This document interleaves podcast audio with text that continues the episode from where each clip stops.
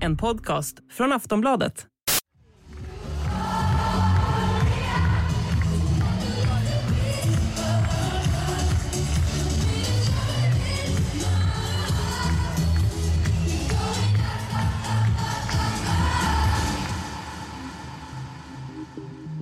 För första gången sedan pandemins utbrott går Stockholm Pride av stapeln i fysisk form igen. Den här veckan sker en mängd olika aktiviteter och på lördag tågar paraden genom huvudstaden. Enligt paraplyorganisationen ELJ Europes årliga rankning av hur bra europeiska länder är på hbtqi-rättigheter står Sverige kvar på en sjätte plats sedan förra året. I organisationens årliga rapport konstateras även att utvecklingen går åt fel håll runt om i Europa. Samtidigt har flera europeiska länder infört förbud mot omvändelseterapi, alltså att man försöker ändra någons sexualitet genom olika former av terapi. Men detta är inte kriminaliserat i Sverige. Och den förre socialdemokratiske statsministern Stefan Löfven lovade förra året att en ny könstillhörighetslag skulle finnas på plats innan det stundande valet. Men lagförslaget, som presenterades så sent som i fredags, kommer det istället röstas om i riksdagen först efter höstens val, då det parlamentariska läget kan ha kastats om. Så hur går det för de politiska besluten gällande hbtqi-rättigheter i Sverige? Vad är det som går fel i Europa? Och vad betyder det att efter flera år isär få samlas igen i Stockholm? Detta ska jag, Ronja de Bor, tala om i dagens avsnitt av Aftonbladet Daily tillsammans med Trifa Shakeli, förbundsordförande för RFSL. Hej Trifa och välkommen till Aftonbladet Daily. Tack! Det är första gången sedan pandemins utbrott som Stockholm Pride kan gå av stapeln fysiskt. Hur har pandemin påverkat hbtqi-rörelsen i Sverige? Uh, pandemin har överlag påverkat, uh, slagit hårt mot föreningsvärlden överhuvudtaget. Och eh, jag menar att mötas är ju en eh, förutsättning för demokratin, att den ska fungera. Eh, men också eh, livsviktigt för just hbtqi-communityn och personer att känna stöd från varandra i och med Eh, många är, eh, ha, saknar nätverk och inte har de självklara stöd som eh, ja, från familj och släkt. Så det här är ju, det är jättekul.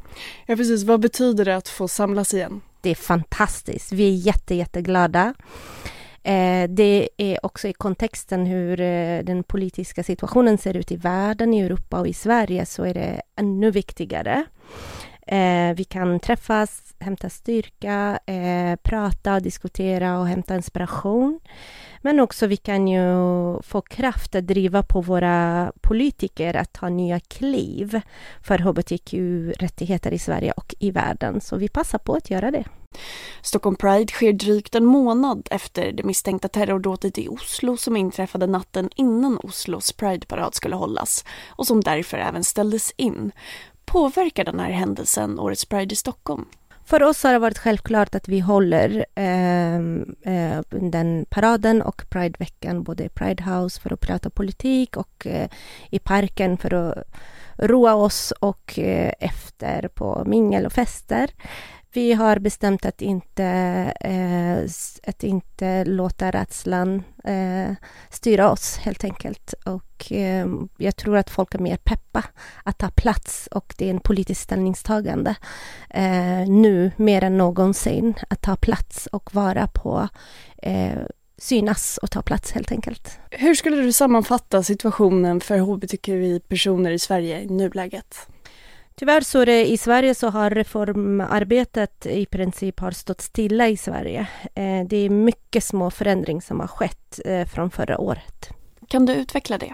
Ja, eh, vi har ju arbetat för ny könstillhörighetslag till exempel, eh, där eh, ändring av juridisk kön ska gå från självbestämmande eller självidentifiering.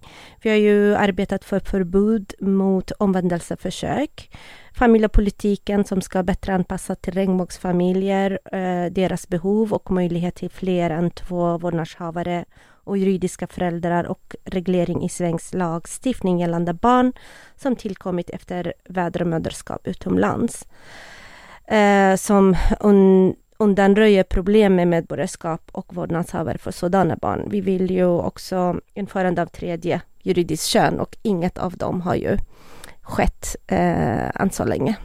Hur kan man förklara det här då, tror du? Um, jag tror att eh, det är ju är en, vi är en del av världen och vi är en del av den europeiska politiken också som på något sätt har eh, på många plan har ju eh, fått eh, hbtq-rörelsen och frågorna har ju fått en backlash de senaste fem åren och det har ju drabbat oss också. Eh, vi ser ju också strömningar, eh, ideologier och politisk, eh, politiska idéer som bygger hela sin ideologi på att motarbeta eh, hbtqi-rättigheter, kvinnors rättigheter, eh, mänskliga rättigheter överhuvudtaget. Så det, det påverkar ju oss också. Och kan du berätta lite mer, varför behövs de här politiska besluten som du precis nämnde? Varför behövs de i Sverige? Ja, det är en självklarhet. Det, det självklara är ju att hbtqi-personer ska kunna eh, leva och verka precis som de är och ha samma rättigheter som övriga befolkningen. Det är en fråga om demokrati, det är en fråga om mänskliga rättigheter. Så det är en självklarhet att det ska vara så. Det är ju väldigt konstigt att det är 2022 och vi har eh, människor i det här landet som inte har samma rättigheter som andra eh, människor. Tänker du på något specifikt nu? Jag tänker på till exempel transpersoner som inte kan eh, själv, eh, utifrån sin egen självdefinition få eh, ändra sitt juridiska kön.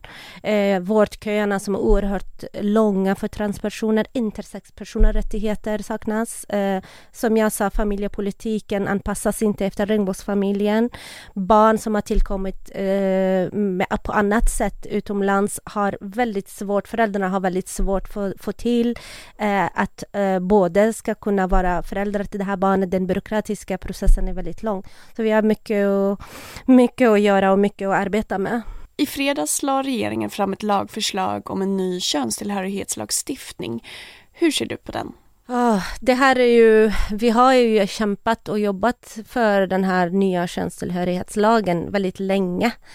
Eh, vi välkomnar den lilla steget som har, som har skett men eh, det är ju ganska snålt och litet steg och torftigt på många plan och vi är kritiska att det har blivit så. Men ja, det är eh, ett litet steg, det är välkommet eh, och transpersoner som kommer att eh, fortsätta att gå till vården för att få tillstånd att ändra sitt juridiska kön, vilket är, är stort besvikelse för oss.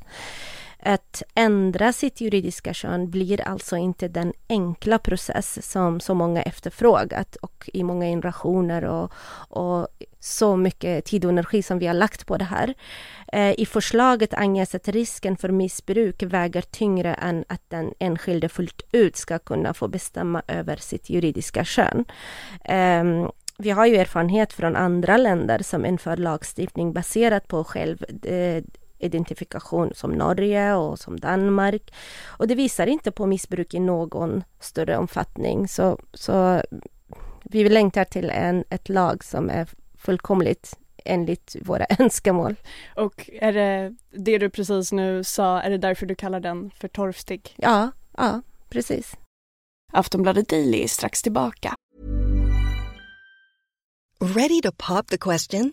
The jewelers at BlueNile.com have got sparkle down to a science with beautiful lab-grown diamonds worthy of your most brilliant moments. Their lab-grown diamonds are independently graded and guaranteed identical to natural diamonds, and they're ready to ship to your door. Go to BlueNile.com and use promo code LISTEN to get $50 off your purchase of $500 or more. That's code LISTEN at BlueNile.com for $50 off. BlueNile.com code LISTEN.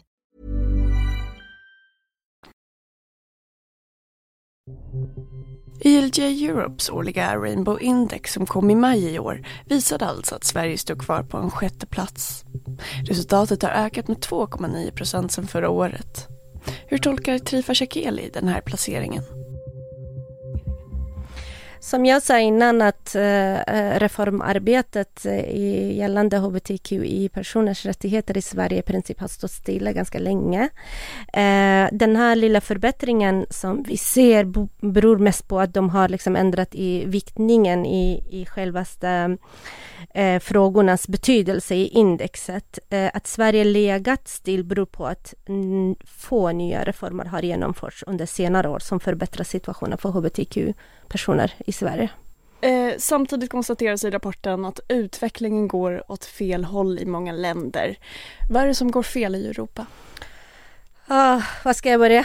Motståndet mot transpersoners rättigheter, till exempel i Storbritannien, där regeringen eh, vägrade lägga fram ett förslag som skulle förbjuda omvändelse av transpersoner. Eh, det är ett exempel på det. I många länder har arbetet med nya Eh, tillhörighetslagar har eh, stagnerat. Det, det är en anledning. Annat anledning har ju antipropagandalagar i, i Polen och i Ungern som man får inte undervisa om hbtqi-frågor eh, för minderåriga. Vi har förbud mot så här, vi har hbtqi-fria eh, zoner till exempel i Polen. Eh, sen har vi ju förslag på antipropagandalag i Rumänien och vi har ju en uppdaterad version i Ryssland som har inte eh, antagits ännu. Skillnaden är att den i Ryssland skulle göra det olagligt att sprida hbtq-propaganda överhuvudtaget och inte bara för minderåriga. Så det här är ju det här är exempel på varför det går bakåt eh, i Europa. Hur ser du på den här utvecklingen? Det är stora skillnader i olika länder i Europa. Eh, och ja, det är oroande eh, med den ökande, ökade utsattheten och jag tänker att det hänger ihop med, med de politiska strömningarna som, som eh, finns, som jag pratade om tidigare i, i övrigt i hela Europa. Och hbtq-rättigheter är en del av, av de här eh, strömningarna som finns. Men det finns också positiva exempel som Sverige borde lära sig av. Till exempel så har Frankrike nyligen infört ett förbud mot omvändelseförsök. Så det går att, det går att titta på positiva exempel också. Om vi fortsätter fokusera på Europa, hur ser du på liksom sannolikheten, möjligheterna att den här negativa utvecklingen ska vända? Vi som hbtq-rörelse är ju eh, eh, tyvärr eh, vana vid att möta motstånd för att kämpa för våra rättigheter. Eh, för oss är det eh, business as usual. Vi kommer att fortsätta kämpa. Vi kommer att fortsätta arbeta för att nå våra mål, för att se till att en politisk förändring sker för att alla ska ha samma rättigheter i det här landet och kunna leva precis som de önskar och som de är. Um, jag menar, och vi hoppas och tror att fler allierade eh, till, till vår rörelse kommer att kliva fram och därför eh, vi kan eh, vända på den här utvecklingen. Och till sist, vad ser du mest fram emot den här veckan?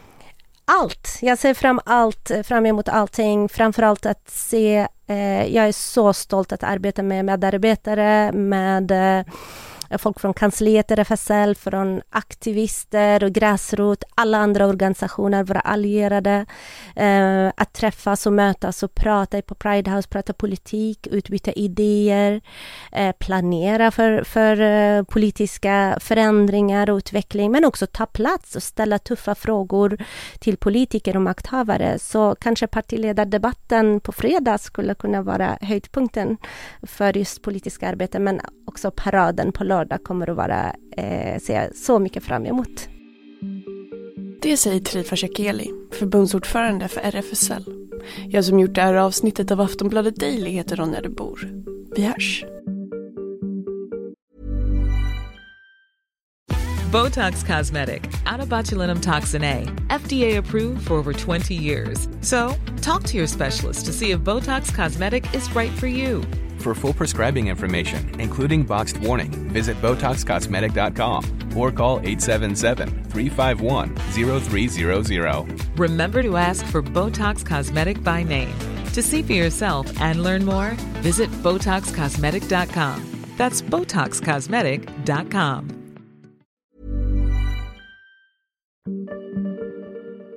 Du har lyssnat på en podcast från Aftonbladet. Ansvarig utgivare är Lena K Samuelsson. Tired of ads barging into your favorite news podcasts? Good news. Ad-free listening is available on Amazon Music. For all the music plus top podcasts included with your Prime membership. Stay up to date on everything newsworthy by downloading the Amazon Music app for free or go to amazon.com slash news ad free. That's amazon.com slash news ad free to catch up on the latest episodes without the ads.